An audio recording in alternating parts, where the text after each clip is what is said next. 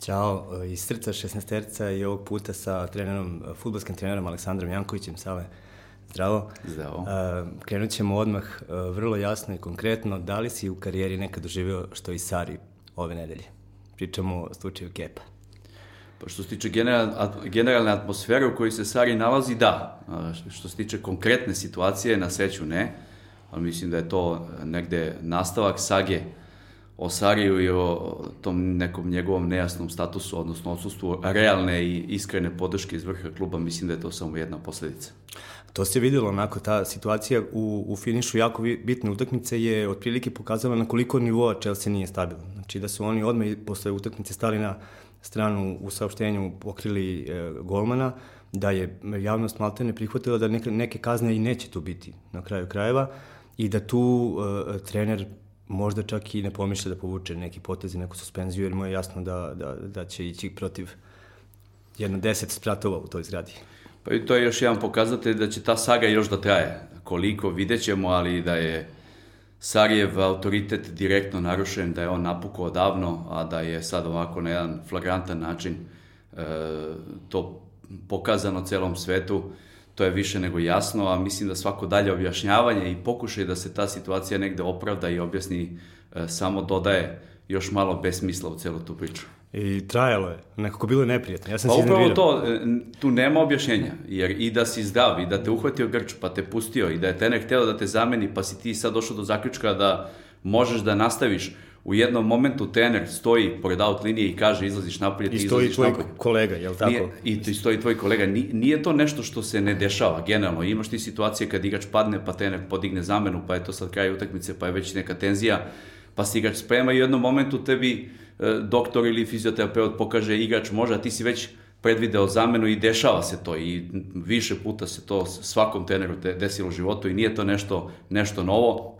Ovo je sad jedan pokušaj, trapavi pokušaj objašnjavanja neke situacije koja je sama po sebi u suštini neodbranjiva, naročito ne, i, i na nižem nivou od ovoga, naročito, naročito ne na, na, na samom vrhu, a to je engleski futbol.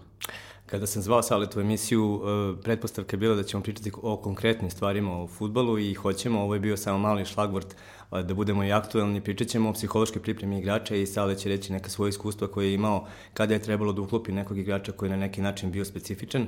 Speci, specifičan je i, i Mauro Icardi e, i on pravi na neki način e, svoju žurku u, u Milanu, ali Inter to drugačije nekako ovaj, e, tretira u odnosu na Chelsea.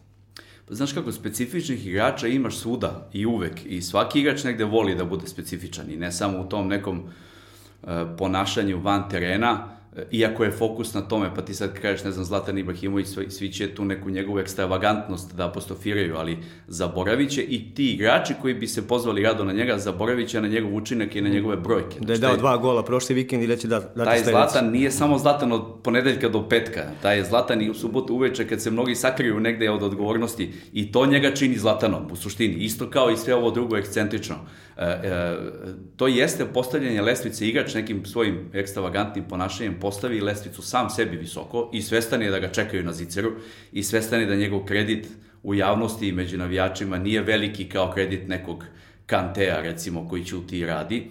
Međutim, e, mnogim futbalerima je upravo ta vrsta nekog stresa i, i e, neke interne tenzije neophodna da bi došli do nekog svog maksimuma. Ja to apsolutno podržavam, jedino što je uvek u tim situacijama vaganja, govorim ti iz teneske neke perspektive, šta ti taj igrač da, a šta ti moraš njemu ili ekipa bi morala da žrtvoje. I uvek je taj balans otprilike ključ. I balans je neka ključna reč kada je uh, teneski, uh, po meni, bar teneski pristup celom tom problemu u pitanju, uh, nije uopšte sporno i nije loše imati nekog balotelija, ali uh, ukoliko on zahteva, po znacima navoda, neku, neki poseban tetman, on mora da odgovori E, svake subote golovima i nečim konkretnim što ekipa inače bez njega ne bi imala. To je vrlo prosta stvar. Što se tiče Ikardija, da... Da, da, da Spalletti je ovako um, vrlo jasno poručio da tako nešto neće tolerisati, uzemo je traku, on je završio na tribinama, direktor Marota tek što je stigao praktično iz rivalskog kluba treba da se dokazuje, on već ima neke probleme koje nije imao u Torinu, ali u tom trenutku nedvosmisleno stao na, na stranu trenera koji nije imao rezultate, igrali su loše, vezivali poreze i, Remije u nizu, ali on rekao Spalletti je trener i, i, i Kardi ide na tribine. Sjajna reakcija generalnog kluba i e, gledano iz te perspektive, žao mi je što i četvrtu utakmicu za redom Inter nije uspeo da, da, da uh, pobedi, iako nisam neki specijalni fan Intera, jesam veliki poštovalac Paletija iz uh, vremena Zenita i mnogo sam njegovih utakmica gledao i analizirao, imam sjajnih iskustava vezani za to i još iz vremena Udineza dok je bio i uh, svedočenja nekih ljudi koji su radili sa njim, bilo kao igrači, bilo kao uh, neka vrsta uh, stafa ljudi oko njega svi su maksimalno pozitivni i njegova futbalska ideja se meni jako dopada i, i e, da gledam onako usko, stručno i ta kretanja i sve ono što on traži od igrača se meni e, izuzetno dopada i, i, i gledam često i pratim na koji način i on kao e, trener evoluira kroz vreme i kroz klubove koje menja. E, znaš kako, jedna stvar je ključ, a to je radna atmosfera. Da ti imaš radnu atmosferu koja ti omogućava da prvo ti kao trener daš svoj maksimum, a drugo da svako ko u toj atmosferi učestvuje, svako na svoj način, bude u jednom optimalnom, dobrom raspoloženju, da bude sećan, da bude zadovoljan, da bude e, fokusiran, da nema propratnih nekih e, tema, da nema bočnih vetova.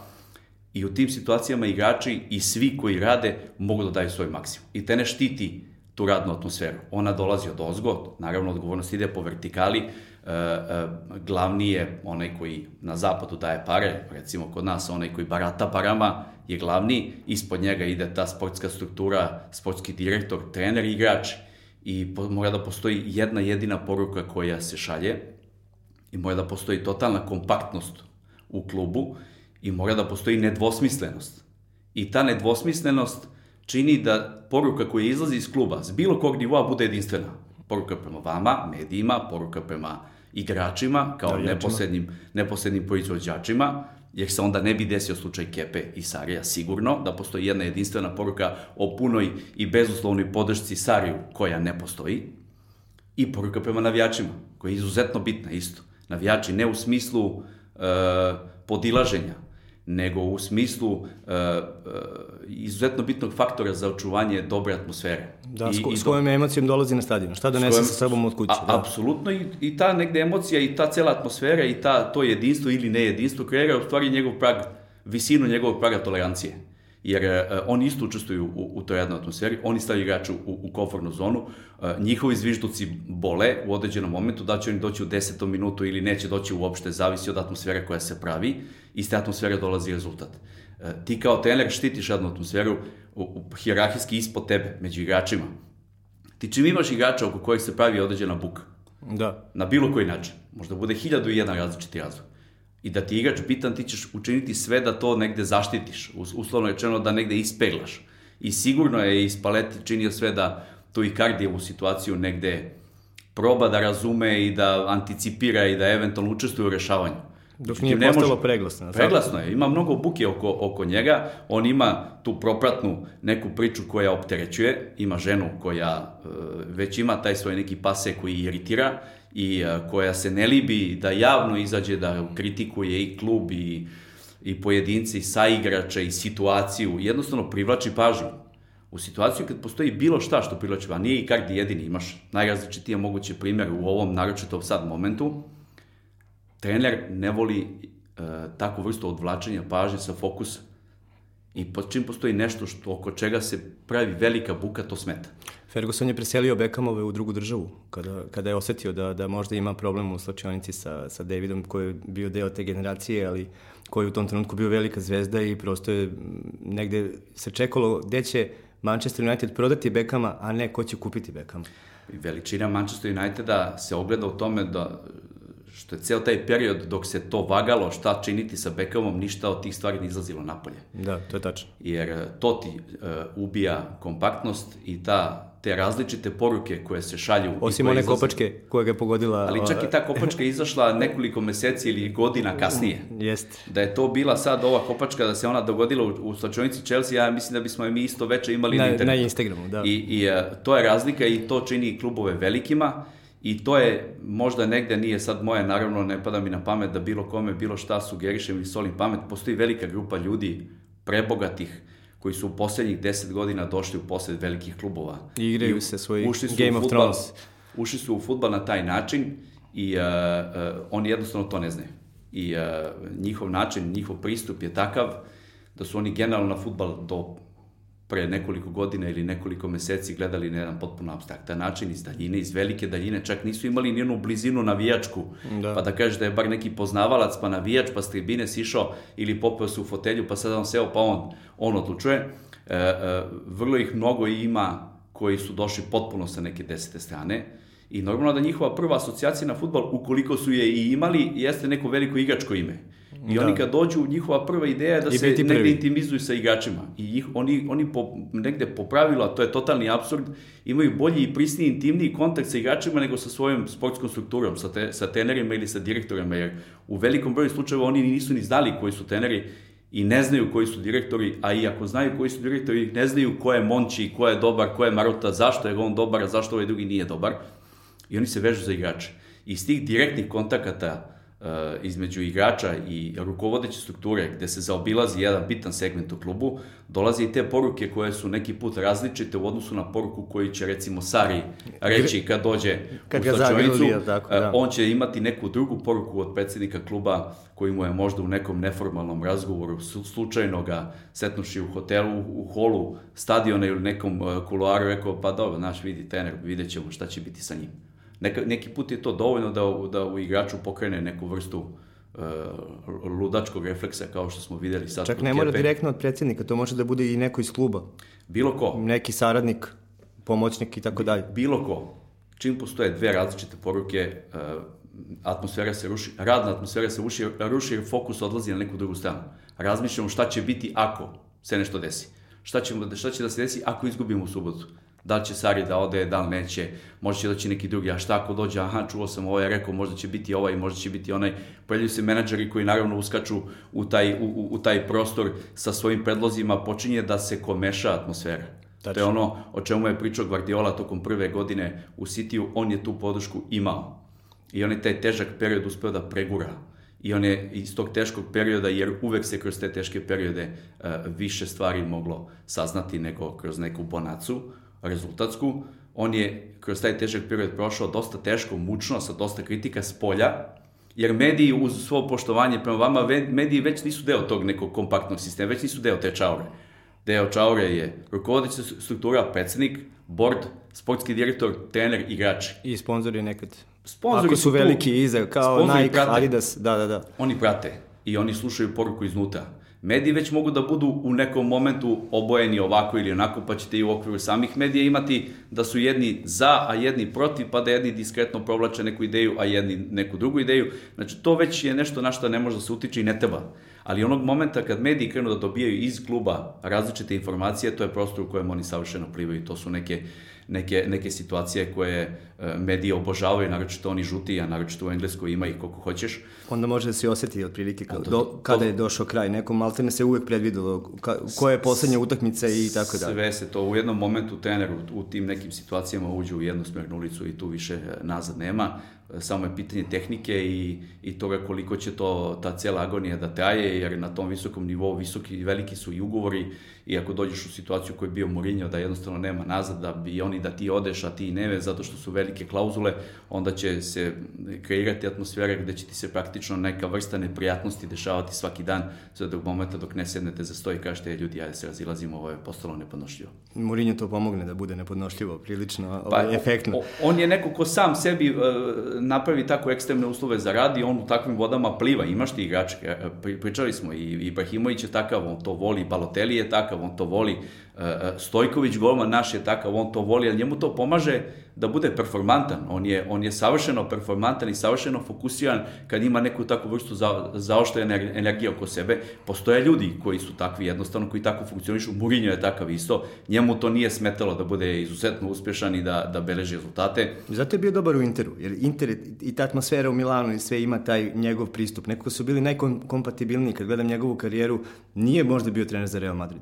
Znaš kako, on je uspeo u Interu da napravi tu atmosferu revolta i tu neku... Upravo tome, li, da. E, lični, neki, neku atmosferu ličnu gde on u nekom stalnom, nekom konstantnom sukobu, on je tu uspeo da prenese i da to negde uhvati celu ekipu. A u trenutku kad je Inter bio najmoćniji u Italiji, on je napravio... On je napravio kao da su svi protiv. Da, I, da, i uspe da. sad po, po pravilu, da je Ferguson hteo tako da funkcioniše u Manchester Unitedu nikad ne bi mogo. Da je Wenger hteo tako da funkcioniše 25 godina ne može. Ne to, može. Su, to su neka, neka vrsta friziranih osjećanja koja imaju ograničeni rok trajanja ti buđiš motor da izgura jednu sezonu ili dve, probudiš ona najiskonskije uh, emocije u igračima, oni se troše i više nego što bi se inače trošili, da bi se to sad negde, taj neki revolt ispolji, da bi oni eto uspeli uprko svemu i svima. Uh, takve sezone kakve je Mourinho imao u Interu, one ostavljaju prijateljstvo za ceo život, generalno, međutim profesionalno jako teško funkcionisati dugo na taj način. Mnogi su osetili to. Svi se troše, strahovita je potrošnja i to su stalno sukobi i mediji čekaju svaki negativan rezultat rezultat, igrači su toga svesni,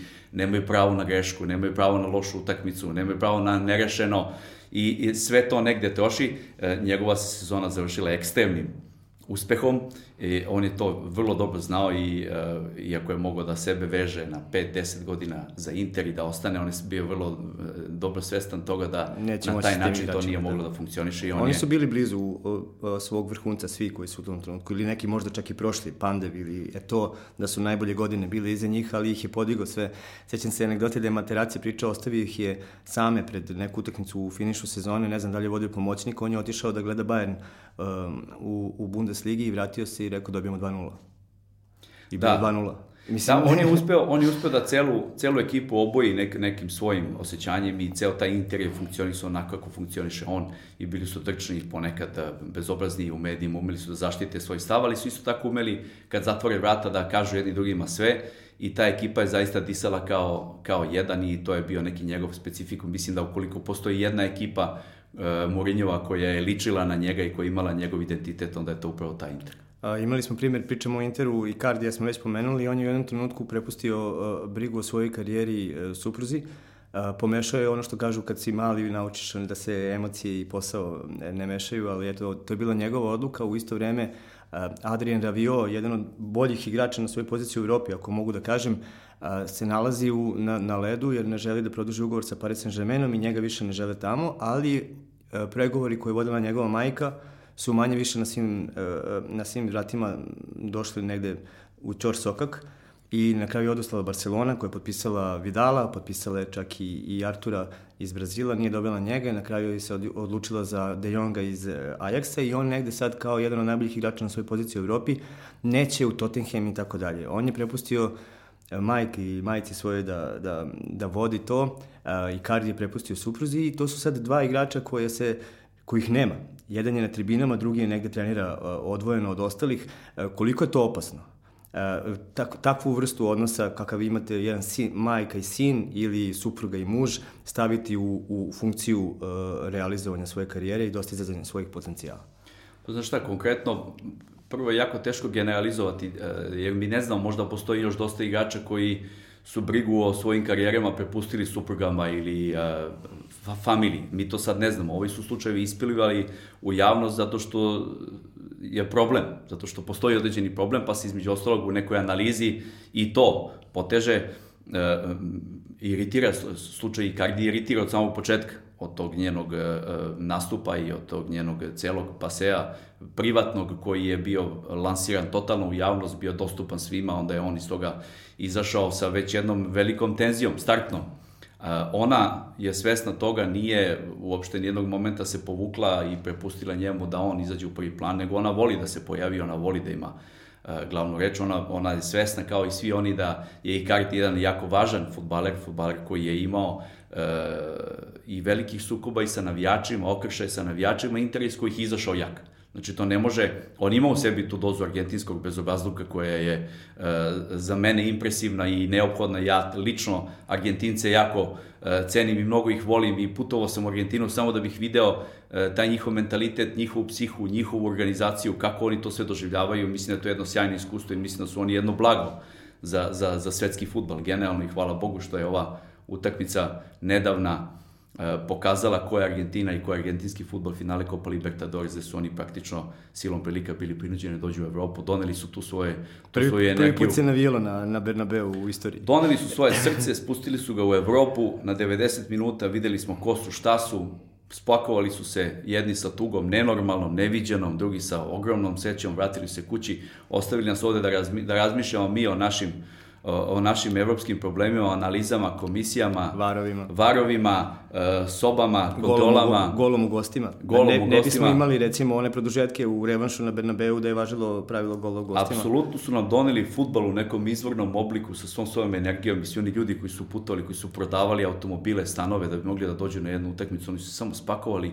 odneli sve to nazad kući i ostavili nas ovde da mi sada razmišljamo i da vidimo gde smo mi, gde su oni i šta je stvarno u stvari i zapravo futbal e, koji se danas igra u svetu.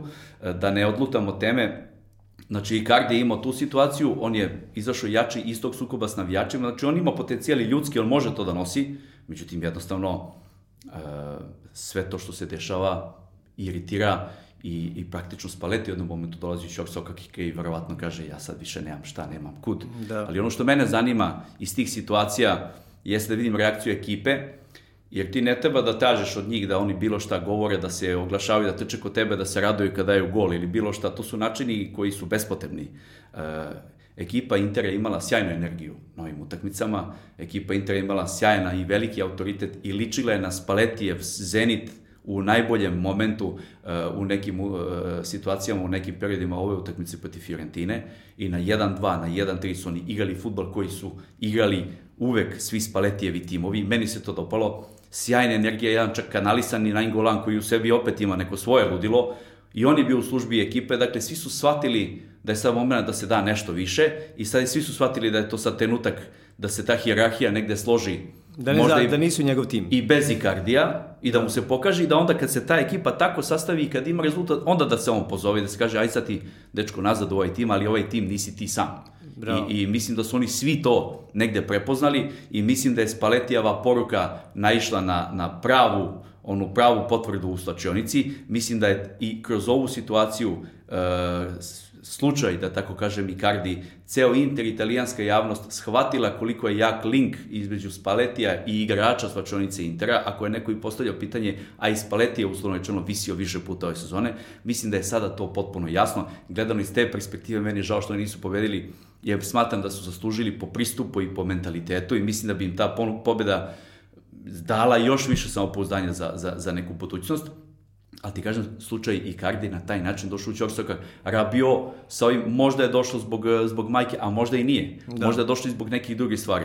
E, mislim da je Barcelona imala takvu odluku da se Rabio dovede, da bi se on doveo bez obzira na bilo kako, ne bi postojala prepreka da se jedan Rabio koji nije zvezda iz svetskog vrha, Dobro, nije, ali... ali... Veliki je, dobar je igrač, koji nije ni reprezentativac, ima i tih nekih mrlja u karijeri. Dakle, i reprezentacija Francuske i Paris Saint-Germain mogu bez Rabioa i on kao takav dolazi u Barcelonu kao slobodan igrač. Dakle, on jeste dobar, jeste ogroman potencijal, mlad još uvek, on je 93. godište, ali nije to sad nešto što će da pukne zato što se pojavila majka. Može da pukne zato što se pojavi neki nerealni zahtev koji nije proporcionalan njegovom statusu realnom na terenu. Zbog toga da. E, od momenta kad to pukne, ako pukne, objašnjenja koje mogu da se pojave, mogu da budu najrazličitija, pa i da je puklo zbog majke, ali e, ne bih to svrstavao u isti koš sa Ikardijem, recimo, iako liči, jer ovo što se dešava sa Ikardijem i ova neka generalno iritirajuća situacija je nešto što je, e, ne ostavljati prosto da ga tumačiš ovako i onako, svima je jasno šta se dešava. Jedan ko je e, prilično platio za, za um, kako da kažem, pravljanje buke oko svog uh, privatnog i javnog života je bio Ognjan Ranjaš koji je dobio otkaz u, u svom klubu, oni su to odradili ovaj, na taj način, Prostinečki ga više neće zvati u, u, u reprezentaciju, a isto je bilo pitanje ovaj, um, pitanje privatnog nečega što se dešava van terena, možda je bio na treninzima odličan, možda je radio se kako treba, ali prosto neko procenio da je prešla granica ta, napravila se velika buka i verovatno dekoncentracija u samoj slačionici, da je i sa igračima bilo bitno šta se dešava i, i on je morao da, ovaj, da, da, da, da plati eto, možda nije u tom trenutku kada su se desile sve te poruke se ni pomišljao da će, da, da, da će to biti ovaj, rezultat svega. Upravo si skroz. E, to je ono oko čega se stalno vrtimo. Tener nema, nema vremena. Niko neće da te čeka. E, peglanje, uslovno rečeno, takvih situacija, gde ti sad ne znaš kakvi su kakve su povratne informacije, kakva je atmosfera, koliko ima igrača okolo, ko, koji to ne vide na neki pozitivan način ti od njih svih treba da izvučeš maksimum, da napraviš jednu ekipu koja je kompaktna, usresređena na rezultat, gde će jedan za drugoga da urade sve, uključujući i to da ispravljaju tuđe greške. Dakle, e, imaš ti mnogo situacija na utakmici gde se neće videti moja odgovornost ili moja krivica ukoliko ti izgubiš loptu. A čak možda mi u nekom momentu i meni odgovara da se cela javnost obruši na tebe. To se briše uh, požrtvovanjem i to se briše pravim iskrenim pravičnim izborima gde se pravi ekipa koja je maksimalno kompaktna i usreseđena. Ti čim imaš te bočne stvari, čim imaš buku, što ja kažem uslovno rečeno buka, imaš najrazličitije moguće situacije koje dovedu do toga. Imaš i kardija oko žene i ugovor, pa više žene nego ugovora imaš rabio oko, oko ugovora, imaš vranješa oko tih vansportskih stvari. Imaš recimo u Belgiji jedan sjajan e, primer najboljeg igrača ekipe koja juri sa otvorenim putem ka tituli, to je Genk, najbolji igrač je Španac Pozuelo koji je kapiten, tamo je već četiri godine. U jednom trenutku se sad pre dva meseca pojavila priča hoće li neće, ugovor ističe, produžit će ga ili neće. I to se na neki diskretan način pojavilo u medijima, dobilo je, kako se nije pojavila zvanična neka verzija iz kluba, kako klub nije fiksno stao kao ni Chelsea po pitanju Sarija, pojavio se prostor, mediji su skočili, krenulo je nagađanje. Došlo se do jedne neizdržive situacije gde nema konkretne, konkretnog objašnjenja, a on postaje centralna tema. Ekipa koja ide utabanim putem nekim ka tituli, a titula nije osvojena 10 godina, veliki rezultat na pomolu. E, ekipa koja je spakovana pre četiri godine, dolazi do nekog svog optimuma. Kupi novine ujutru i on je na nastavu. Sad dolaze u situaciju da izlaze na trening i na putu ka treningu gde stoje uvek neki penzioneri koji prate i gledaju trening. Sad već njemu dobacuju, e, pozdrav, kako te nije samota? Puštaš klub niz vodu, eto šta smo ti mi dali. Odjednom ide fokus na njega, a recimo dva dana pre toga ekipa odigrala sjajnu utakmicu i pobedila 3-0. I trener i dalje radi sve isto. Trener radi sve isto, ekipa njega doživljava kao lidera, međutim on sad negde svoju poziciju počinje da posmatra na neki drugi način, jer on ima neku drugu želju o kojoj se ne priča. Odsustvo odluke pravi taj prostor u koji ulaze ljudi koji prave buku oko te, oko te priče. I dolaziš sad u situaciju da isto svi postupaju. I Prosinečki, i Filip Kleman, Teler, Genka, i Spaleti, ajde da ne govorimo o Tuhelu, jer je bio i nije bio nešto specijalno neophodan, iako jeste veliki igrač. Svi su, svi su pokušali sve i svi su na kraju sklonili igrača. Jer do, dolaziš do situacije da ti nemaš vremena da čekaš, da tebi treba radna atmosfera koja mora da bude mm. maksimalno očuvana i ti radiš čak i one neke stvari koje inače ne bi uradio, jer one nemaju veze sa ličnim odnosom prema igraču. Da ti moraš da zaštitiš atmosferu, a ono što je zajedničko za sve je da ni Rabio, ni Kardi, ni Vranješ, ni Pozuelo, ni jednim svojim gestom na futbalskom terenu, u toku treninga ili u toku utakmice nisu radili ništa loše. Da. Niti je ko napravio neki skandal, niti je ko nekog udario, pljunuo, niti je ko skinao des, niti je ko imao određenu gestikulaciju prema navijačima, niti je bilo koga, bilo ko uvredio. Jednostavno, situacija van terena počinje da uzima primat, pre, postaje preteška, i ti kao trener možeš da, možeš da sečeš. Pretpostavljam da se u karijeri sam nalazio na raznim iskušenjima koje su zahtevala neki dodatan rad, neko doškola, doškolovavanje, savet e, u kući, pa ovaj, da naučiš nešto o situaciji u kojoj ti se desilo tog dana. Pre nego što te pitam za eto, te primere, zanima me jedna stvar. Šta uradiš kada uđeš u slačionicu prvi put u novom klubu? Kako izgleda tvoje prvo predstavljanje ekipi? Kako ti izgleda taj dan uopšte? Pa znaš kako, kad ti dođeš prvi dan, uvek dođe neko s tobom, neko ko te predstavi, ko te dovede, uvede praktično, neki sportski direktor ili tako nešto i onda uglavnom on priča. On priča jer je neki početak u pitanju i onda ja na tim nekim uvodnim stvarima nikad ne, ne pričam dugo jer ja pričam svaki dan kasnije sa njima i e, trudim se da to nikad ne bude duže od nekoliko minuta pre treninge ili 10 do maksimum 12 minuta pred utakmicu, ali suštinski je tvoj ceo život sastavljen, futbalski život od situacija i od ljudi i ti s njima možeš da pričaš i u nekom neformalnom obliku i na terenu i ovako i onako. Ne mora to da ima neki zvaničan oblik. Ima ljudi koji ne vole zvanične forme, ne vole duge priče, duge govori, imaš igrače koji to jednostavno ili ne vole ili nemaju koncentraciju ili im ne prija ili ima hiljadu i jedan razlog. Tako da e, ti kroz neko vreme kasnije upoznaješ i njih i negde upoznaješ i spoznaješ koji je način komunikacije sa njima. Nije to uvek neka zvanična forma i neka duga priča.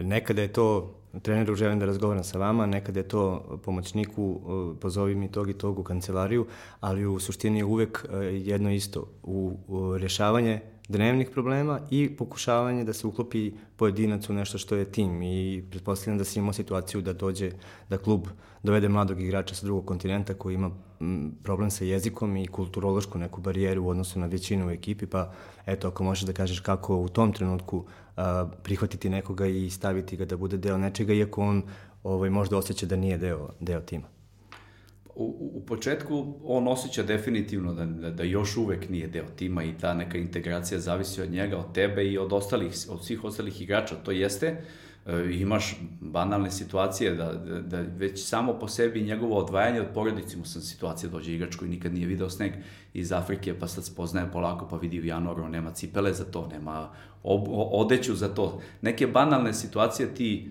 negde prolaziš kroz to, to su sve interesantne životne priče, interesantne životne situacije gde ti kao čovjek koji već ima određeno iskustvo uvek možeš da naučiš nešto novo i uvek je sve bitno, svaki detalj je bitan, ali se sve negde vrti oko treninga. I svaki igrač negde svojim odnosom prema treningu, ne govorim samo o nivou i o kvalitetu, nego o odnosu, odnos pravi njegov kredibilitet, odnos, ta, to požrtovanje, želja da se nauči, želja da se napravi taj prvi korak. Ja lično kogod dođe prvi, pitan ga da peva pred, pred grupom u slačionici, je smatra da to od baš prvog dana kad ne očekuje, mislim da može da ga negde uh, otkravi na neki način. Uvek tu postoji neka, neka čaura starih igrača koja se trudi da mu negde olakša taj prvi korak ili, ili tih prvih nekoliko dana, ali uh, svi oni, bez obzira na to, ti možeš kao trener da guraš poruku da je taj igrač sjajan, da je dobar, da će on nama da donese ovo i da, da, da donese ono, igrači će o njemu formirati sud na osnovu njegovog odnosa prema treningu. Prema, pošto, odnosno, odnosno prema načinu na koji se on odnosi prema njima, prema tebi kao treneru, prema zadatku, prema vežbama, prema dnevnom programu, da li kasni, da li ne kasni. On negde iz tih nekih osnovnih stvari uh, negde ubacuje svoj neki mali kredit u neku kasicu prasicu i ona njemu posle pravi poziciju u grupi. I ta pozicija u grupi i taj način na koji će ga oni prihvatiti je nešto što je ključ. Ti si tu kao neka vrsta stabilnosti, oslonca u momentima kad mu je teško da se popriča, da se možda popriča o nekoj stvari koja nema veze sa futbalom, ali, ali on, uh, ono što bih ja, i što je uvek uh, insistiram, na, može direktno da utiče na taj način na koji će ga ekipa prihvatiti svojim odnosom prema, prema obavezama, jer niko nema pravo ništa da traži od ekipe dok ne da sve ono što možda da, to je za početak kad neko dođe sa strane e, maksimalan odnos i maksimalno poštovanje prema svima. A, nekad ta igrica futbolska, ako je tako posmatramo vođenje uh, futbolskog tima, uh, ponudi neki ekstra nivo, za kao neku prepreku da treneri i svi ostali u klubu treba da je preskoče, da dogodi se da igrač dođe da kaže da je teško bolestan, da nosi HIV virus recimo, da je određenog seksualnog opredeljenja i trener u tom trenutku provali da je i dalje prisutna u sportu kom se bavi fobija u određenom značajnom procentu ljudi. Da li iz neznanja, da li prosto iz kulture neke iz koje dolaze i tako dalje. Kako se rešavaju te stvari? Da je igrač zaista ima veliki problem, o kom bi javni razgovor u slačionici u klubu možda stvorio još veći problem. A da, da trener u tom trenutku mora da zaštiti igrača i ekipu i rezultat i sezon. Pa znaš kako, ajde sad si spomenuo dve situacije koje nisu baš slične. HIV situacija je, e, jesam imao. I to je jedno veliko iskustvo za mene pre 10 godina i ne u Srbiji. E, bilo je potpuno novo i za mene ali to je da kažeš jedna, jedna kategorija koja je fizička i koja može ti dovede do problema, konkretnog problema, sudar glavama, glava u glavu sa obe raskrvarene glave imaš problem. Uh, ukoliko to kažeš igračima, postoji velika opasnost da će da se atmosfera totalno naruši. Ti ćeš uvek kao trener imati jedan jedini cilj, da sačuvaš radnu atmosferu, odnosno da je napraviš, da kreiraš. U kreaciji, odnosno upravljanju te neke radne atmosfere, e, ti si strahovito odgovoran i moćan u tom nekom smislu, jer ona zavisi od tvojih izbora, od tvojih izbora šta ćeš da radiš, šta ćeš kome da kažeš, da li ćeš da reaguješ na nečije, nečiju grešku ili nećeš, da li ćeš mu skrenuti pažnju individualno ili ćeš da ga negde razvališ pred celom grupom na sastanku. E, sve su to stvari koje negde se gledaju. Igrači formiraju mišljenje o tebi i o tvom radu na osnovu tih nekih situacija. Da li je pravičan, da li kritikuje samo mene, da li me kritikuje javno ili ne javno. Onda kad ja nekoga napadnem, e, prvo sam mu sugerisao individualno, pa sam onda ponovo još jednom, pa smo onda se dogovorili da se sledeću tekmicu obrati posebne pažnje na to i to na broj duela, na, na taj body language koji nekad nije kako treba pa onda on to ne ispoštuje, pa onda dođe statistika, pa ispadne da cela ekipa ima preko 50-60% dobijenih duela, on ima 9%, onda ja tu statistiku iznesem pred, svi, pred sve i onda se priča na način koji je drugačiji, ali je to već neka naša treća komunikacija. Onda će on biti ljut na mene će biti smrtno ljut, misliće da sam veliki neprijatelj, zvaće kući roditelje i, i, i porodicu i reći će kako ga trener ne voli, kako jedva čeka da ode. A onda će to negde da se smiri onog momenta kad vidi da ja i drugima to signaliziram, pa će trebati neko vreme da prođe da bi on shvatio da sam ja možda lud, da tako reagujem na te stvari, a posle kad se te situacije negde ponove, pa ja pokažem da sam isti prema svima, onda će on kaže, znaš šta... Bar je lud prema svima. Lud je, ali pusti ga, vidiš, ima nešto, daj, čuti, nema veze. Ali da, e, imamo te situacije gde statistika možda čak i, i, i nema ulogu, prosto e, mora da se reši. Eto. Na, e, to ti kažem, sad, sad iz tih situacija oni prave odnos prema tebi odnosno prema, prave odnos prema tvojim odlukama, prema atmosferi koju ti praviš, a tebi treba radna atmosfera. Se pojavi igrač koji ima HIV virus, koji je HIV pozitivan i koji moli da se pojaviš sa njim na red testu, zato što nema nikoga, zato što je njegova porodica daleko. I, i ti onda odeš, iskoristiš priliku da se edukuješ i sam, da vidiš šta, se, šta je to stvarno. Ti sad kad bi izašao sa tom informacijom u grupu, verovatno bi imali, postojali bi igrači u tvojoj grupe 25 koji o tome nemaju pojma i verovatno bi prestali da mu daju da mu pože ruku, jer ne znaju. Jer stvar je u edukaciji. Prođe, prošao sam kroz to i uh, to je jedno značajno iskustvo za mene i podrška mladom čoveku koji ima 20 godina, koji ima problem. I uh, suštinski nije lako, zato što izaći s takvom vest, informacijom u, u ekipu, možda se desi da neko iz nekog ličnog odnosa prema njemu to pusti u javnost. Onda javnost počne da se bavi time, narušava se direktno radna atmosfera. Uh, I na kraju krajeva privatnost Apsolutno, igrača. privatnost igrača je narušena do daljnjeg ali ono što tebe direktno kao tenera uh, pogađa jeste što se tebi fokus sa tvojih utakmica prebacuje na njega i što to postaje centralna tema i uh, što javnost počne se bavi time i tebi odlazi tvoja radna atmosfera na neku drugu, na neku drugu stranu i ti gubiš ono od čega živiš. Jer ti ćeš uvek kao tener jednu ili dve utakmice moći da pobediš na nešto, na da. neki individualni kvalitet, na neku, na neku grešku sudije u tvoju korist, iako to teneri uglavnom ne vole da priznaju, nešto može da se desi, ali je neki veliki rezultat, značajan rezultat, ne može da dođe bez stabilnosti. Stabilnost dolazi... Predugo traje sezona. Stabilno, ili neko takmičenje, prvenstvo, evropsko, svetsko, ili sezona. Ne može bez stabilnosti. Jer stabilnost je omogući da u nekom minus momentu ti na nešto ne izgubiš na neke automatizme koje si, na neki odnos, na neku tu kompaktnost, da se ta utakmica koja je loša ili ne izgubi, a zato i kažemo da je veliki kvalitet ekipe da pobedi kad ne igra dobro, to je to. A ti kad to nemaš, tebi se sve ruši. Jer ti kad nemaš atmosferu i kad nemaš tu ustu stabilnosti, čeka se nešto loše da se desi, pa da svi skoče na to, pa onda kaže, eto vidiš, jer smo rekli da ne može. I onda ti puca cela atmosfera. Tebi te stvari remete i ti možda to rešiš. Ja moram da priznam to, pošto to došlo onako dosta rano u toj nekoj mojoj trenerskoj karijeri i bilo jedno potpuno nesvakidašnje iskustvo. Mi smo to rešili na jedan način onako koji nije bio pretajano popularan negde stavljanjem igrača sa strane.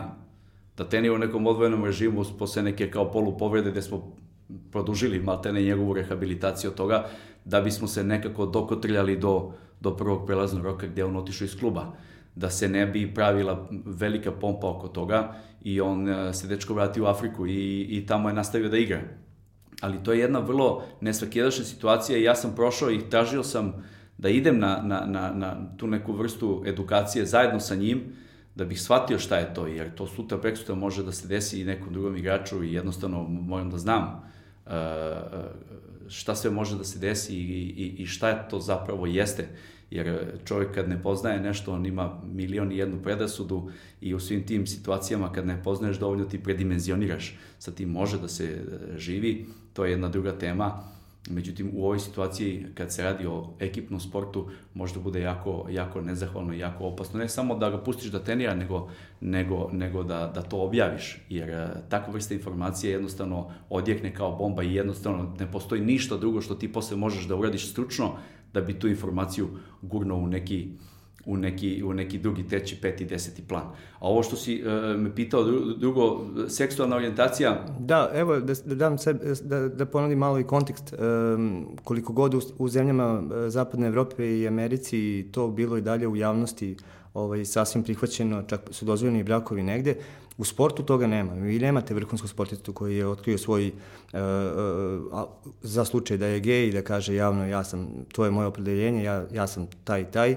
Ima, ima slučaj u Nemačkoj gde je Thomas Hitzelsperger o tome govorio na kraju karijere i sada se vratio na javnu funkciju i pretpostavljam da je jedini ovaj, um, čovjek koji je javno rekao da je gej da ima takvu bitnu funkciju u nemačkom futbolu, a, ali on je jedan. A pretpostavljam, odnosno gotovo sam siguran da u svetu futbola u broju a, momaka koji se bave futbolom a, ima zavidan broj a, onih koji možda bi u nekom trenutku pomislili da tako nešto kažu, ali dalje je to sport gde je to tabu tema i gde, gde bi tako nešto u stočionici u grupi muškaraca koja treba da postigne određeni tonus u subotu u 4 sata mogu da predstavlja problem. Pa da li to uopšte, kako je, to, to, je, to je iznad vođenja ekipe. To nije, to nije, ni, to nije ni menadžerska sposobnost. To je, ne znam, ne znam kako da je nazovem. Kako u tom, u tom trenutku um, imati takvo saznanje o svom igraču? Pa jedno je da imaš ti takvo saznanje, ja to ni, nemam takav slučaj uopšte u životu do sada. Jedno je da ti imaš takvo saznanje, drugo je da on izađe javno da to kaže. Zato što ti imaš, e, kao što smo rekli, bitne faktore u kreiranju radne, radne atmosfere. To ti je vrh kluba, sportska struktura, znači sportski direktor i ti kao trener, igrači i navijači. Svaka od tih, čet, ajde da kažeš, četiri, svako te četiri komponente može da ti, da ti razbije radnu atmosferu. Vrh kluba, ukoliko pusti jednu poruku među igrače da si ti kao trener odlaziš posle dva, tri meseca tvoj kredibilitet više ne postoji, a tebe tapše po ramenu kaže ništa si ti obaziri šta mediji pišu, ti si siguran, mi tebe računamo, a kad dođe do produžetka ugovora, sešćemo, vidjet ćemo, razgovarat ćemo, znači to ti je jasno. Oni na taj način direktno mogu da, da naruše radnu atmosferu. Ti kao trener, tvojim izborima, da svi vide da jedan treba digati, ti dođe da kažeš ne, ne, treba diga ovaj drugi, pa opet, pa opet, pa opet, tvoja poruka dovodi u pitanje tvoj kredibilitet i igrači počinju da sumnjaju tvoje izbore, da li su oni čisti futbalski ili ima nešto iza. Navijači, ukoliko nisu pozitivni, ukoliko e, se napravi tako da navijači ili su podeljeni na frakcije kao što imaš u Partizanu, pa se i to negde reflektuje na sve, da. osjeća se, naravno se osjeća, počne utakmica, e, primiš gol, ceo stadion viče upravo napolje. Ti ne možeš u toj atmosferi da traješ godinama i da praviš velike rezultate. To je nemoguće, ne Partizan, ne može niko. Znači, to je nešto što opterećuje. A zamisli kad postoji neki fokus na nešto što je lično, individualno i pritom percepirano kao nešto negativno. Znači, ti imaš situaciju da se posle prve ili druge ili treće neke negativne situacije na terenu, cela atmosfera okreće protiv. Da se okreće protiv mene ili tebe, mi smo svi na terenu, a možda ja drugačije reagujem na stres u odnosu na tebe. Možda se ti plašiš ili ja, možda se neko od igrača plaši navijača, možda neko na 0-1 pod pritiskom, a ostalo je pola sata, ima dovoljno vremena da se da gol. Možda neko od igrača više razmišlja o tome šta će da se desi ako da, da, čeka, da mi razlupaju auto i da me sačeka neko sa bejsbol palicom, a ne razmišlja o tome da ima pola sata, da možda mogu da dam jedan, pa još jedan, pa još jedan, pa možda bude 4-1 na kraju. Imaš raznih e, mentalnih sklopova. Tebi je potrebna podrška, tebi je potrebna radna atmosfera koja je, koja je pozitivna. Ja ti sad imaš vezano za, za, za, za tu seksualnu orijentaciju što ti kažeš, e, nije stvar u tome ko je, nego ko se javno e, oglasio, ko je to javno rekao. Ti imaš zemlje... Da, koliko god, imaš i lige koji imaju dan kada nose svi e, sve, i sve, ali malo, dalje niko ne izlazi javno. I imaš, govori. sad si imao belgijsko prvenstvo gde su kapitenske trake bile u boj, pa ne znam, korne zastavice i to. Pojenta da li se neko od igrača, mislim, govorim ti teneski, privatno moj stav je jedan jedini i uvek će biti isti što se toga tiče, ali nije to bitno. Ne, e, niti mi to bilo šta određuje, niti smeta. Niti mogu da ti kažem da li postoje ili ne postoje ljudi koji imaju drugačiju seksualnu orijentaciju koje sam trenirao. Ja sam u ovom poslu već 20 godina, 20 godina ne znam koliko je bilo stotina igrača koje sam trenirao. Ne znam. Nije niko došao pa rekao. Ali jednostavno e, u aktualnom momentu postoje zemlje uglavnom skandinavske, gde su nekim drugim sportovima, mahom, koliko sam ja to uspeo da uhvatim, neke rukometašice izlazile da. pa su objavljivale, čak i u, u tim zemljama gde je javnost naviknutija na to, u sportu. Nema, nije, u futbolu ne. U futbolu nema nikoga. Da. Prema tome, razmišljati o tome koliko smo mi daleko od toga je e, za sada potpuno bespredmetno. Mislim da to nije blizu taj dan. Dobro, češće će se dogoditi da dođe igrač koji je uh, darovit, koji ima potencijal za koji nije ni svestan gde, gde je granica, ali da ne možeš da dopreš do njega. Da jednostavno i pohvala, i, i, i kritika, i dobronaveran savet nalazi da, nailazi da, na defanzivu. Pretpostavljam da je to nešto sa čime se susrećeš na dnevnoj bazi, pa eto, ako možeš da kažeš kako to izgleda kada imaš igrača za koga znaš da može da da tri gola, ali on, ali on ne vidi da može da da tri gola. Ne, to je pravo pitanje. Za mene to je, to je pitanje uh, ključno. Uh, apsolutno si u pravu, postoji i mislim da je to isto deo jednog sistema koji postoji, koji je nas, onako, funkcioniše svuda po Evropi, ali kod nas više jer je to i neki materijalni moment e, prisutni i ta neka želja velike grupe ljudi oko mladih igrača da kroz njihove ugovore i transfere rešavaju svoje živote i porodice, familije, menadžeri i svega to ima, možda i više nego, nego, nego napolju, e, zato što su ljudi ugroženiji. E, osnovni problem igrača mladih, do koje ti, što kažeš, ne možeš da dopreš, jeste što oni nisu naučili da čuju ništa loše o sebi. Ništa loše o svojoj igri jer postoje neki koji su predodređeni, koji se već negde u 14. i 15. godini targetiraju kao perspektivni, iako je veliko pitanje da li oni tu perspektivu zaista imaju, iako je pitanje da li oni su perspektivni po nekim našim internim kriterijumima, pa ćemo se skoncentrisati samo da ih nekome preko neke linije prodamo jednom, ili imaju realan profil da i potencijal da potpišu pet ugovora u inostranstvu, kao Deki Stanković. I onda ti kažeš, on je perspektivan, ali on je perspektivan i on potpisao pet godina ili e, pet ugovora ili deset, deset ugovora trajao 15 godina na zapadu. Znači on kad smo ga mi targetirali u 12. 13. godini 14. u Zvezdi kao perspektivnog, mi smo u njemu videli kriterijume koje će sutra Lazio tražiti od nas. I onda smo mi procenili da on to ima, da ćemo mu sve ono što možemo da mu damo kroz formaciju, opremit ćemo ga i genetski opre, e, već opremljen određenom vrstom drskosti, bezobrazluka, bezobrazluka i smislom za improvizaciju koji predstavlja naš veliki kapital u odnosu na zapad i takvog ćemo ga lansirati. A to su popravilo igrači koji nisu bili najtalentovaniji u svojoj generaciji. To oni uvek kažu. Da, Ti koji to... naprave veliku karijeru, a da li imao je jedan u omladincima kad sam bio, taj je bio... A zato što taj, taj koji e, što kažeš ti nikad nije bio najtalentovaniji, on je toga bio svestan od, od početka i on je znao da mora sve to što mu zafali, ako mu i zafali, da nadoknadi strahovitim fanatizmom i odnosom prema treningu. A taj odnos prema treningu u stvari izgradi kod tebe i odnos prema uh, nepravdi, prema sposobnost da istrpiš udarce. Onaj koji je najtalentovaniji, on je navikao da bude uvek najbolji. Ako se okruži ljudima koji će ga tapšati po ramenu, a to se dešava, a naročito kod nas, onda on raste negde pod nekom vrstom staklenog zvona gde da on... Da je sve nepravda. Da. Nikad ništa loše ne čuje za sebe. Da, i sve nikad... što mu se loše desi, Apsolutno sve, sve što mu se dobro desi, sve što dobro napravi, jer on ipak u odnosu na sve ima neki, neku vrednost, oni će reći, pa naravno ti si velika zvezda, evo ti, pa ovaj, pa ne znam, Neymar, pa ne znam ovo, e, ti si u top 20, top 50, ti, e, da, dao si dva gola u, u ligi, recimo, ili u kadetskoj ligi, ti treba da ideš u Chelsea, evo doće Juventus da te gleda, ili Manchester United, i takva se atmosfera kreira.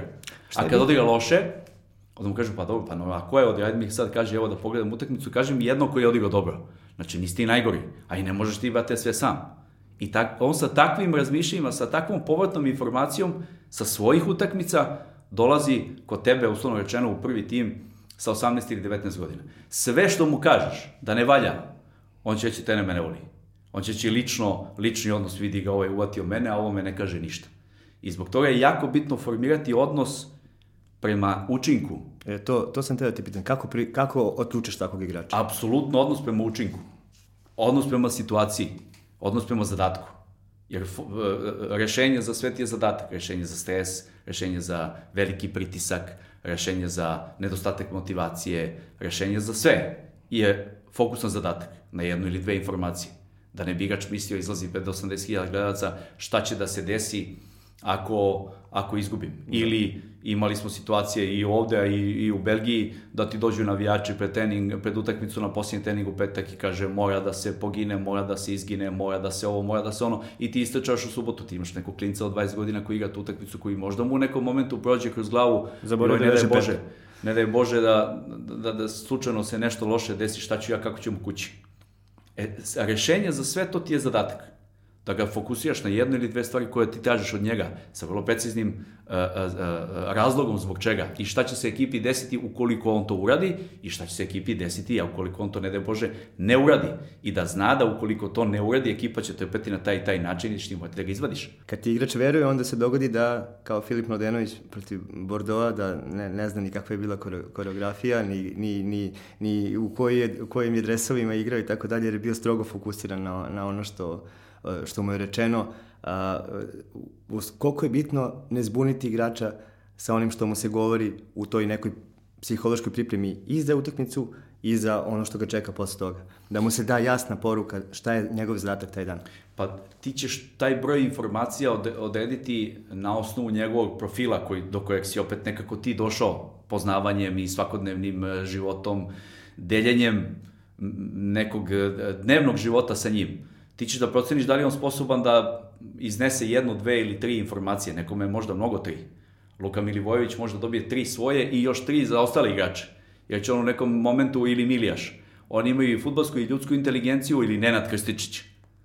Ne, a, a, a, imaju ljudsku i futbolsku inteligenciju koju će oni da upotebe da komuniciraju s tobom bez reči i da čak u nekim momentima, osim ispunjenja svojih zadataka, koriguju i ovo drugo. To je ono što se kaže produžena ruka trenera na terenu. To je to. A to je ono što smo pričali i zaboravio sam da spomenem Krističića kao kontra primer svemu ovome što se dešava a navodili smo dosta toga i kardi, vranješ, pa ne znam ovo, pa ne znam, orijentacija seksualna. E, ti imaš igrače koji svojom pojavom, svojim nekim paseom, svojom nekom životnom borbom širi energiju pozitivno oko sebe, to je Nenad Krstičić. Kad kažu da čini igrače boljima, to je on to. Čini, on čini igrače boljim ljudima. Zato što on ne mora da priča, on ne priča o svojoj borbi životnoj. On o tome ne, ne, nikad ne razgovara. On je pobednik. I on to svoje pobedništvo nosi u sebi i emituje ga kroz pripremu za trening, kroz dolazak na vreme, kroz masažu, kroz Šta odnos, jede za ručak? kroz eh, odnos prema svemu, svakodnevni stav, kroz, kroz eh, poštovanje satnice, kroz poštovanje ljudi, kroz poštovanje života, jer on je naučio da on taj život može da mu isklizne iz ruku tek tako. I on se vratio. I ti njegu uopšte ne moraš ti sad, ti, e, kao i kad Nemanje vidi sednu slačonicu pored tebe, on ne mora da, te, da ti priča šta je to život ili profesionalizam. Ti gledaj. Imaš trening svaki dan da možeš da vidiš. Isto tako kad uđe i Cardi sa, sa ženom koja je bacila tri atomske bombe u medijima, on ne mora da ti priča. Ti ćeš videti njega na svim ovim mogućim portalima da je on, on ne mora da ti priča. Takvi ljudi šire, kao što je Krstičić, on širi to pobedništvo i tu poniznost koja ti je neophodna da napraviš tim, on to širi oko sebe. I on je ponizan i on je shvatio šta je život. I on to, on to negde nesvesno, jer on čak i ne voli da priča o tim stvarima, on nesvesno to emituje oko sebe. A ti koji si sa strane, to hvataš i koristiš se time da klinca koji dođe sa 18 godina i koji nije naučio da mu neko kaže, e vidi, ovo što si uradio nije dobro, da ti njemu kažeš, sedi tu samo i gledaj. I samo te talase koji, hvala Bogu, ima, samo to primaj. Jer to, je, to su ti momenti, nema takvih uh, momaka mnogo, ali to su ti momenti, uh, kao što je ovo neka ekstremna situacija kad smo rekli HIV pozitivan, pa ide pa se edukuje, pa vidi, pa kako ćemo to da rešimo, I ovo su neke ekstremne na neku drugu pozitivnu stranu gde ti možeš to da uhvatiš, da iskoristiš i da što veći broj igrača ubaciš u tu neku vrstu energije koju takvi ljudi emituju. Onda se ne, dođemo u situaciju da se neko zapita kako je Nemanja Vidić bio kapiten uh, igračima sa kojima je igrao 8 godina ili je Luka Milivojević posle 6 meseci ma, praktično kod uh, bivšeg engleskog selektora i menadžera Liverpoola, velike, velikog čoveka za engleski futbol, postao kapitan. Oni su mogli da vide te stvari, kada su igrači, kad nema dresova, kad nema navijača, kad je tišina na treningu, pretpostavljam da je jako bitno da trener prepozna koji je taj među njima oko kojih može da se kasnije ovaj, gradi pozitivna atmosfera i, i, i za to je nekad potrebno um, da budeš svim čulima tu, da iskautiraš protivnika i, i vodiš računa da je u medijima sve u redu i da, i da imaš pravu taktiku, a da opet prepoznaš ko je možda potencijalno slaba karika i ko je među njima taj koji će u subotu biti najbolji. Apsolutno, to, je, to jeste kompleksno, to jeste onako da kažeš, široko, treba uhvatiti na sve strane, ali, ali e, te neke vrednosti koje si sad e, spomenuo, ti neki ljudi se detektuju vrlo, vrlo lako i detektuješ ih uvek kroz teške situacije. Nikad na 4-0, 5-0 je tada svi trče da negde zaberaže neki lični poenčić. E, te hirarhije se slažu kad je velika frka, Te hirarhije se slažu kad je ekstremni pritisak, one se slažu ne u odnosu na to ko je s kim dobar, ne u odnosu na to da li ga ja simpatišem ili ne, ili on dobar s predsednikom kluba ili se znaju možda od ranije, ili je dobar sa 3-4 novinara pa ga oni guraju, ili sa 3-4 navijača pa ga oni guraju. Ta se hierarhija slaže u momentima velike frke. U momentima takvih e, ekstremnih nekih e, situacija, ti kao trener uvek vidiš i igrač uvek vidi ko se na terenu realno nudi da uzme loptu i uzme odgovornost, a ko se ne nudi. Ili ko se nudi na pola, pa kad ti daš loptu na desnu stranu, on će da podigne ruku i da kaže zašto meni nisi dao. To su jeftine stvari koje, kojima možda može da se zamaže neka slika prema javnosti, ali igrači i taj neki odnos, e, kristalisanje tih nekih e, potpornih stubova ozbiljne ekipe, to se e, pravi upravo u takvim situacijama. E, vezano ili ne, pomenuo si Milijaša i, i Milivojevića kao igrače koji mogu više informacija da prihvate odjednom i uzmu još nešto za sebe. To su igrači koji su dali gol u derbiju, ja mislim prvi u istoriji koji je e, posle vodstva jedne ekipe na polovremenu završen pobedom druge. Da li je to slučajno što su njih dvojica dali gol tog popodneva? Ne, ništa nije slučajno jer jednostavno su ti golovi došli iz ajde, možda u određenim situacijama, možda su mogli da ih postignu na neki drugi način, možda to, cela atmosfera oko te utakmice je bila dosta šizofrena, generalno, zato što je sve se dešavalo i ta neka velika negativna energija koja je išla prema meni, iako sam ja dva meseca pre toga preuzeo ekipu, opet u nekom ludačkom trenutku, eh, oni su to vrlo dobro znali. I uh, generalno Brnio Kreni, to je sad jedna lepa uh, situacija, pa apostrofiramo to, ali nikad nije dobro polarizovati ekipu, nikad nije dobro imati različite poruke koje se spuštaju u stočionicu. Mi smo to tada imali, nažalost, i ja sam bio jedna od uh, direktnih žrtava, što je i uvek tako ovaj, u futbalu. Jer, uh, znaš kako, ti imaš uvek igrača koji te znaju, poznaju cene, i uvažavaju i žele da rade s tobom, a opet pod nekim uticajem drugim i kad se neka negativna energija potpiruje, naročito kad dođe neki prvi prelazni rok pa se dovedu neki, no, neki novi igrači koji nemaju pojma kako to funkcioniše, ti uvek možeš da proizvedeš i kontraefekat. E, nije dobro praviti takve situacije, jer eto da se vratimo na Sarija, čak i Sari u toj nekoj ekstremnoj situaciji, totalno ludačkoj koja se desila sad sa ovim sa ovom utakmicom i ovim penalima. Žoržinja je promašio penal čovjek koji bi ruku u vatru za Sarija stavio. Nije, nije dobro praviti ekstremna osjećanja, jer neki put igrači iz najbolje namere, iz e, velike, ogromne motivacije, e, jednostavno pregore, sa gore, odseku se noge, neko dobije crveni karton od želje, udari nekog, e, onda ode utakmica na, na totalno drugu stranu. Onog trenutka kad ih otključaš, i kada počnu da te slušaju, onda je sledeći nivo da počnu da primenjuju na terenu ono što što si im rekao. To je isto nešto što ne urede na, na, prvi, ovaj, na prvu loptu, ali onog trenutka kad poslušaju i kada daju gol na način na koji si im rekao da će dati gol, možda je to taj poslednji nivo gde se stvori poverenje između trenera i igrača, zato što ti onda, bez da on zna, si otišao gore u klub i tražio povišicu ili novi ugovor i on shvati da je taj ludak iz, sa prvih 15 dana priprema koji, koji, zbog kog nije hteo da dolazi, da se bavi više futbolom ili da dolazi na treninge, u stvari neko ko je iz njega izvukao najviše. Pa eto, ako možeš da ispričaš neku situaciju gde ti je trebalo vremena da dođeš do nekoga i kada je počeo da, da radi ono što si mu govorio, da mu je bilo bolje. A znaš šta, to su ti omiljene situacije za trenera, da ti on sad priča, da ti ja sad pričam kako je bio dobar jedan igrač koji je bio super, ali nije mogao ovo i ono, da sam došao ja i onda sam ja od njega napravio čudo. To, svaki trener će ti pričati o tome. E, ima dosta situacija. Dobro, postavio sam ti mnogo neprijatnih pitanja, mogu da postavim i neke Jeste, da, možeš da... Ovo je ovaj- neprijatno iz prostog razloga što uh, je teško govoriti o tome na taj način. Imao sam mnogo dobrih igrača i, i ceo taj moj period u Mehilenu jedna, jedno sjajno razdoblje u, u mom životu, jer sam negde kroz tu atmosferu koja je bila pozitivna i ja sam neke stvari nove otvorio sebi, pa sam probao, pa je, sam ja negde evoluirao u tom nekom trenerskom smislu i radio sam s igračima koji su svi bili negde gladni, motivisani da se negde dokažu, pokažu. E, svi su bili s nekim e, revanšističkim e, odnosom prema karijerama svojim i to je bilo sjajno. Imao sam, naravno, da ne, ne detaljišem previše, bismo otišli u, u dužinu i u dubinu, igrač koji ima sjajne predispozicije i koji ima neku vrstu futbalske magije u nogama, E, koji je došao kao besplatan igrač iz druge turske lige posle te godine igranja tamo, dakle postoje neki problem, sigurno čim su ga svi pustili da, da mu istekne ugovor i da dođe besplatno u, u Belgiju. E, e, imali smo velike neke okršaje, koji su se odnosili pre svega na njegove na ispunjavanje nekih pa, osnovnih stvari u igri, onda na osnovu njegovog body language koji je bio jako negativan. Moram da, da mislim na gledalce i čitavce, ja ću u njihovo ime da pitam za ime i prezime. Reću ti ime i prezime, iako to za mene znam, nije... Znam, znam, ali u njihovo, razmišljam kako bi oni volili da čuju o koga se... Bila je velika ljutnja, bio je veliki kleš gde je bilo maltene na ivici sukoba u tom trenutku kad sam ja njegove neke navike korigovao i mislio je da sam smrtni neprijatelj, mislio da ga ne volim, stavio sam ga na klupu, e, bio je jako, jako negativan prema meni, ne prema treningu, prema igračima i to sve ne.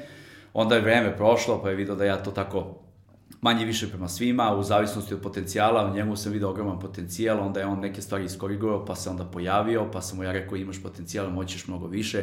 Onda je on na kraju te sezone korigujući te neke navike svoje u igri, došao do statusa reprezentativca Alžira, radi se o igraču koji se zove Sofijan Hani i e, jako mi je drag i kao čovek i kao, i kao futbaler. E, onda je na to odreagovao opet e, nekako lošije, pa se uspavao, pa je mislio da bi trebalo nešto Chelsea ili Juventus da dođe da ga kupi, to se naravno nije desilo, onda je ušao razočaran, pa smo ušli u novi okršaj, pa je taj okršaj e, doveo do toga da on četiri utakmice bude na klupi da se te četiri utakmice ekipa regenerisala, počela da pobeđuje, mislio da nikad dalje od tima, ja sam ga vratio onako negde mimo rezona i uh, od tog momenta je počeo da igra sjajan futbal, počeo da igra futbal u kojem smo svi uživali, uh, postigao je 17 golova kao vezni igrač za 6 meseci, potpisao je za Anderlecht, postoje kapiten Anderlehta, uh, potpisao je sada za Spartak iz Moskve, igra tamo jedan sjajan momak, koji je u startu mislio da ima velikog neprijatelja u meni, koji je vremenom shvatio da sam ja čovjek koji je možda u njegove potencijale verovo i više nego, nego on sam. E, to je naravno dojelo do velikog prijateljstva, što kažeš ti posljednja etapa je da on nije, posljednja etapa je kad ostanete prijatelji za ceo život, kad te sutra peksto zove, da dođeš da pristuješ e, krštenju njegovog deteta ili da mu dođeš na svadbu ili da budeš prijatelj za ceo život s njegovim roditeljima E, to su neke stvari koje ostaju, ali generalno svi ti neki odnosi koji na kraju ispadnu trajni e, i životni e, uvek su u startu bili zategnuti, da ne kažem negativni, jer tvoj posao kao tenera pre svega da se baviš korekcijom, korekcija nije prijatna stvar, nije popularna, ljudi ne vole da je čuju mlađe generacije, a sad ih je sve više i više, jer tako nadolaze su sve manje spremne da čuju nešto loše o sebi, sve više misle da si protiv njih i da imaš nešto lično protiv njih, ali ko to pregura, jer se bavimo višim ciljem, viši cilj je pravljenje ekipe sastavljeno od, od kompletnih igrača i kompletnih ljudi, ko to pregura ostaju tajna prijateljstva. Velika satisfakcija za trenera da zna da ima da je na njegovim treninzima jedan od 20 najboljih te zemlje i je poziv u reprezentaciju može da donese klubu mnogo zato što čak i u afričkim ekipama koje su imaju uvek tu jednu vel, ili dve velike zvezde i onda ove ostale koji idu uz njih svi ti ostali uz njih mogu da nauče od te dve velike zvezde. Kako se to sprema za trening, kako Drogba ulazi u utakmicu, kako je njegov način razmišljanja. U stvari, da odlazak jednog igrača u reprezentaciju može po njegovom povratku, ako je spreman to da podeli i da tamo nauči nešto, može da podigne ceo klub za jedan sledeći nivo u, u smislu deljenja informacija i da njegov trener sada zna kako Drogba ulazi u poslednji trening, da li gazi svom snagom pred utakmicu ili, ili se štedi da bi sutra mogu da... A on, da on to mora da podeli. Jer on ulazi u reprezentaciju zato što ga je ekipa lansirala. On taj ulazak u reprezentaciju duguje ekipi. On sam ne može, nije teniser, nije plivač On zavisi direktno od, od, od ekipe. I ti onog momenta, ja sam to na taj način i doživljavao, na kraju smo došli posle dve godine do toga da smo imali 17 reprezentativaca u jednom klubu koji je mali u Belgiji i suštinski je donji deo tabele uvek bio. 17 što A, što mladih reprezentativaca svojih zemalja. I ti sad imaš, imaš igrače koji su došli u nekim zelim godinama, u 27. godini, Edin Cocalić, jedan sjajan momak, reprezentativac Bosne i Hercegovine, je dobio priliku po siganju u Mehelenu, iako je imao već zavidnu karijeru pre toga i igrao u pristojnim klubovima, da ode u reprezentaciju Bosne.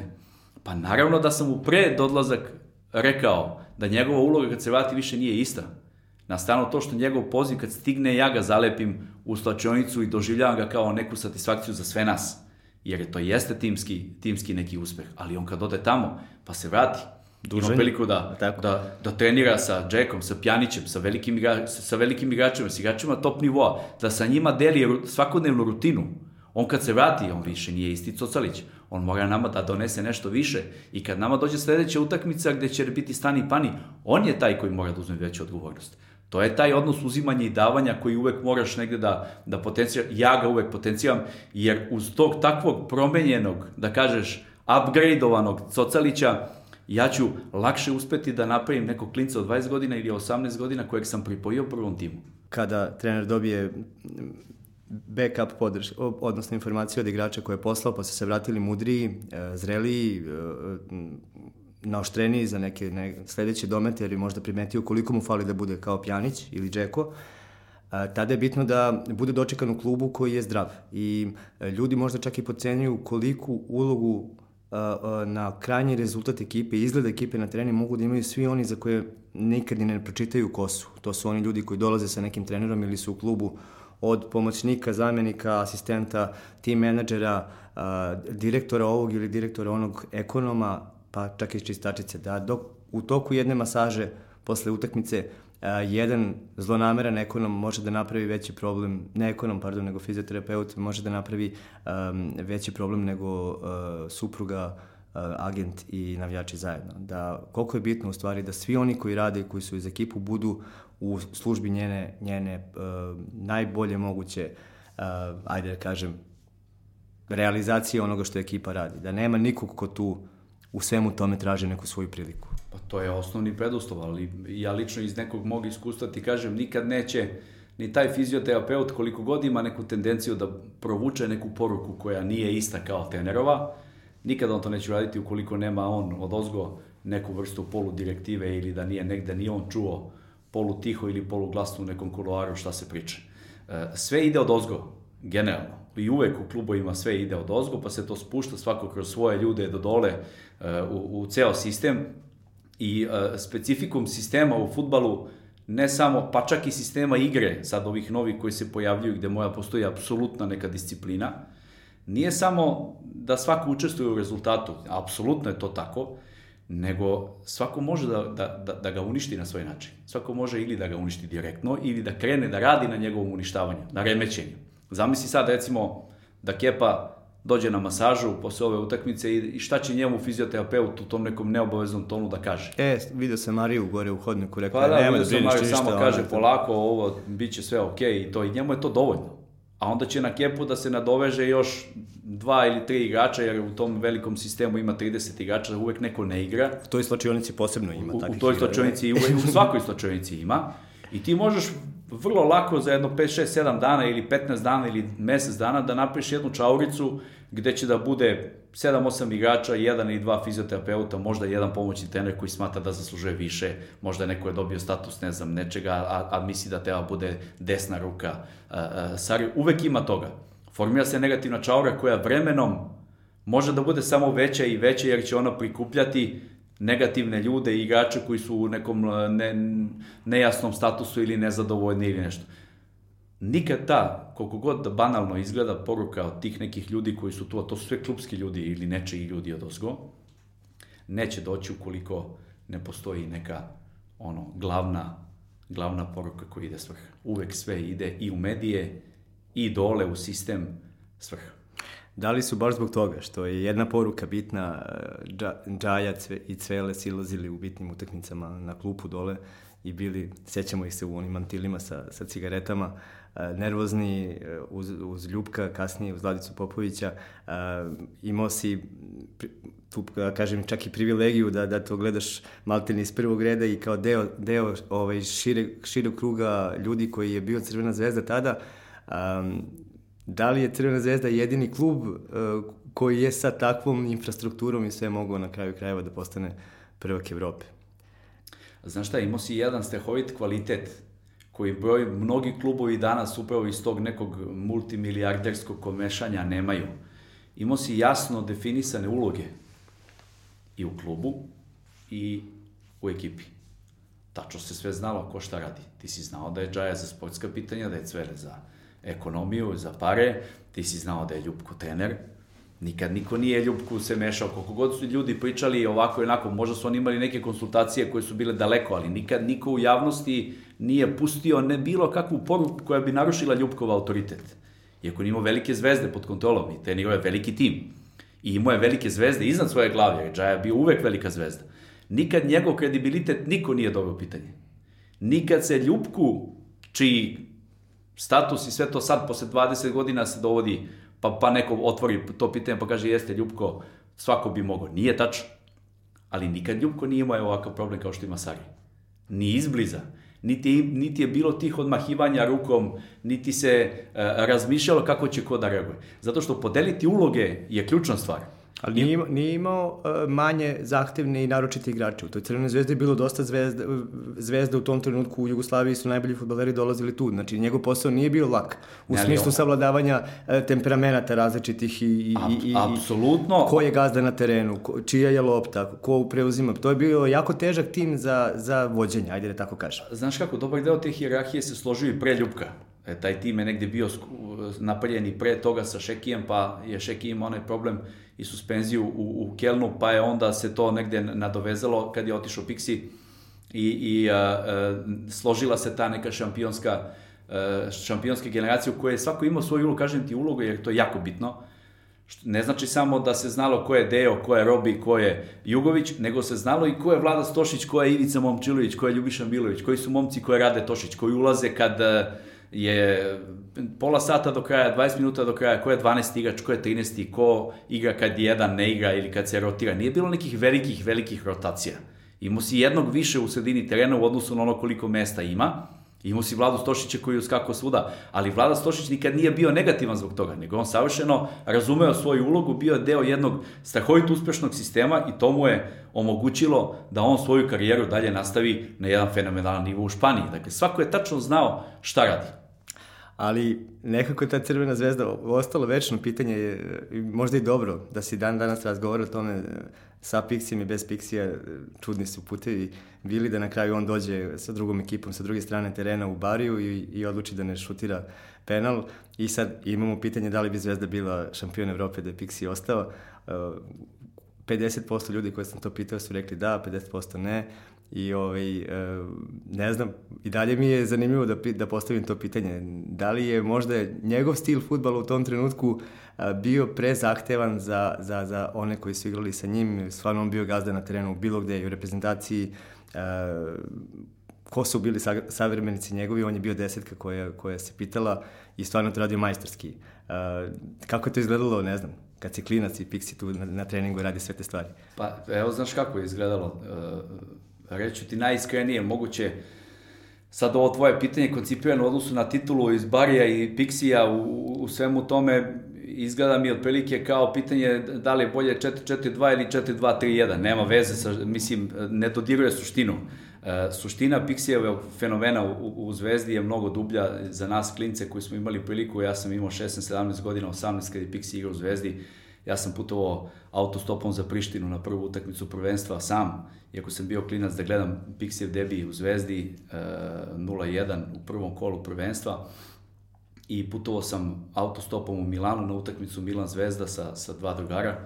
Uh, to je ko nije gledao, neka pogleda, ima na YouTube-u kako je Pixi odigrao tu utakmicu na to je, u Milanu. Da, to je demonstracija futbala, generalno u najjačim mogućim e, uslovima, u okolnostima, ek, ekstremnim, demonstracija futbalske magije, moći, samopouzdanja, vrednosti, odnosa, požrtvovanja, e, gde je igrao povređen, gde, e, gde je jedno duže, duže vreme igrao povređen, gde je za nas kao klince koji smo stasavali u zvezdi gledajući njega bilo jako važno da vidimo da li je zdrav, kakav je, kako mu je koleno. Mi smo krišom odlazili kod pokojnog doktora Branka Nešovića da nam, da nam kaže kako je Pixi u kolenu, kako je stanje u onda nam je on pokazivao snimke kad smo mi dolazili s nekim našim iščašenjima s globa i to da bismo dobili opravdanje da ne idemo u školu. Onda smo, onda nam je on pokazivao uh, snimke Pixijevog kolena, gde se videlo da je to sve samo ne jedno normalno futbalsko uh, koleno igrača koji je sposoban da igra. Onda su mi posle tih velikih evropskih utakmica gledali tog istog Pixija u subotu, skupljali smo lopte Gledali smo Pixija protiv Slobode iz Tuzle, protiv Osijeka, gde on sa istom vatrom u očima igra i trpi batine i uh, motivisan je i neće da izađe na 2-3-0 kada je kao rezultat prelomljen. Uh, gledali smo njegovu filozofiju, životnu pristup, odnos prema Crvenoj zvezdi, jer znali smo svi da je on imao više opcija da ide i levo i desno, da su ga svi hteli. Videli smo kakvu snagu njegov karakter ima, šta on donosi zvezdi, on nam je bio model, on nam je bio uh, otprilike neka vodilja po pitanju kako igrač treba da se odnosi prema grbu i prema, prema uopšte klubu kakav je Crvena zvezda. To uh, da je on otišao kasnije u Marseille i igrao finale, definitivno je i ta povreda koju on negde stalno vukao uh, uticala na sve to. On je imao u periodu koliko ga ja znam, a gledao sam ga od prvog kola njegovog boravka u Crvenoj zvezdi, protiv koje god protivnika da je Zvezda tada igrala, a na svim utakmicama sam bio, i Real Madrid i Milano i Panathinaikos, da ne govorim sad sve ono što se dešavalo. On bi bio u 11. Ne postoji ni jedna ekipa u kojoj on ne bi mogao da igra. Ne postoji ni jedna desetka, ni jedne ekipe, uključujući Real Madrid i Milan, najjači Milan sa Gulitom, gde on nije bio bolji od tog koji je igrao tamo.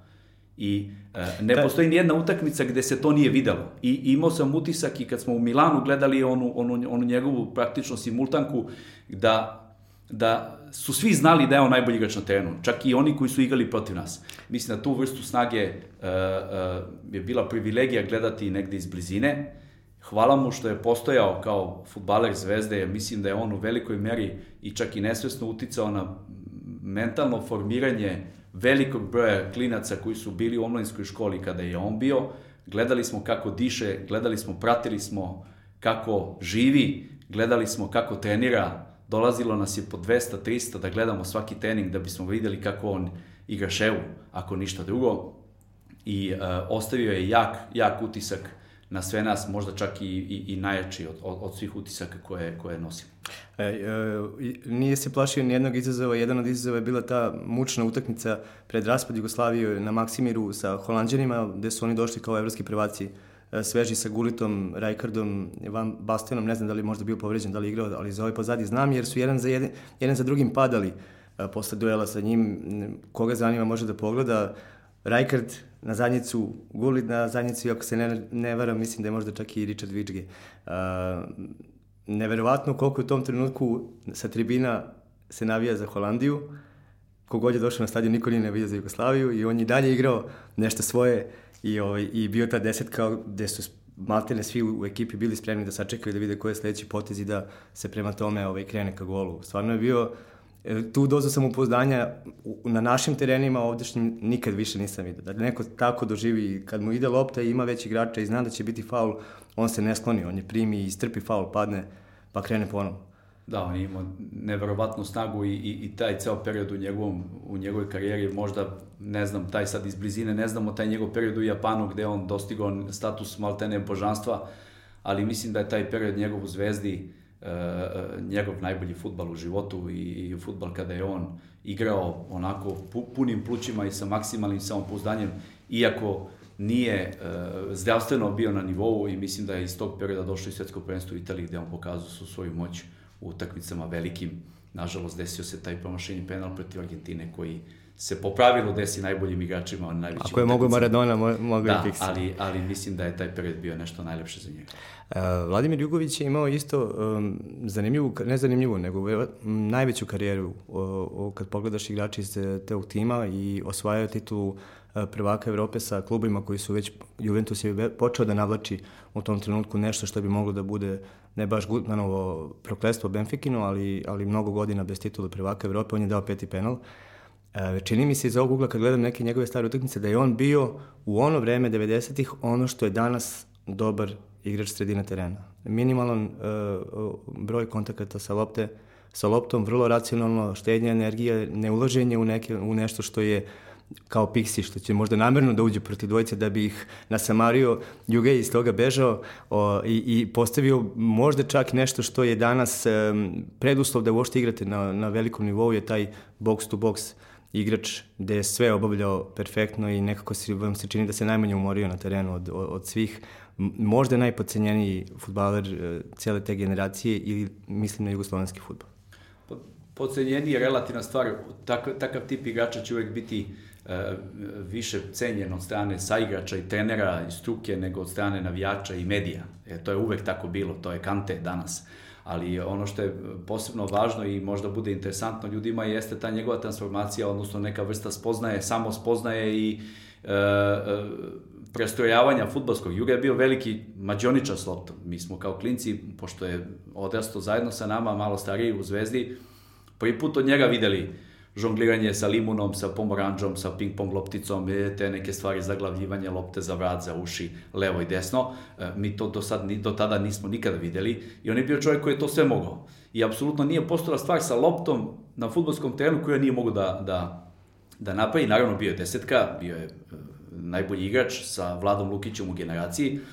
I u momentu kada je kao takav perspektivan otišao na kaljenje u rad, mislim da je on negde prezupčio u svojoj glavi, sebe repozicionirao, postoje svestan uh, cele situacije, svestan da u futbalu na, njegovim, na njegovom mestu postoji i Savićević, i Piksi, i Mijatović, i onda je sebe negde uh, prestrojio, podedio se defanzivnijim nekim, pojednostavio igru, podedio se defanzivnijim zadacima i na taj način sebe popunio kompletirao kao futbolera, to mu je na kraju omogućilo veliku karijeru. Ja lično smatram taj peti penal baš da je palo na njega, mislim da je to neka vrsta e, nagrade za sve ono što je on, on, on futbolu dao. Ja ti želim da u karijeri treniraš igrače koji će jednog dana postati kao Pixi i Juga i da budu naši. A, I pozivam te da nastaviš da dolaziš u ovaj podcast, da sledeći put pričamo o nekim drugim stvarima. Ja se nadam da je ova priča o psihološkoj pripremi igrača i ekipe pred utakmicu bila nešto što vas je zanimalo iz prvog, eto, iz prve ruke, pa Sale, hvala, srećno u onome što će se raditi u narednim mesecima i vidimo se za ne znam koliko, procenit ćemo koliko bude. Procenit ćemo, hvala na pozivu. Pozdrav, do sledećeg ponedjeljka.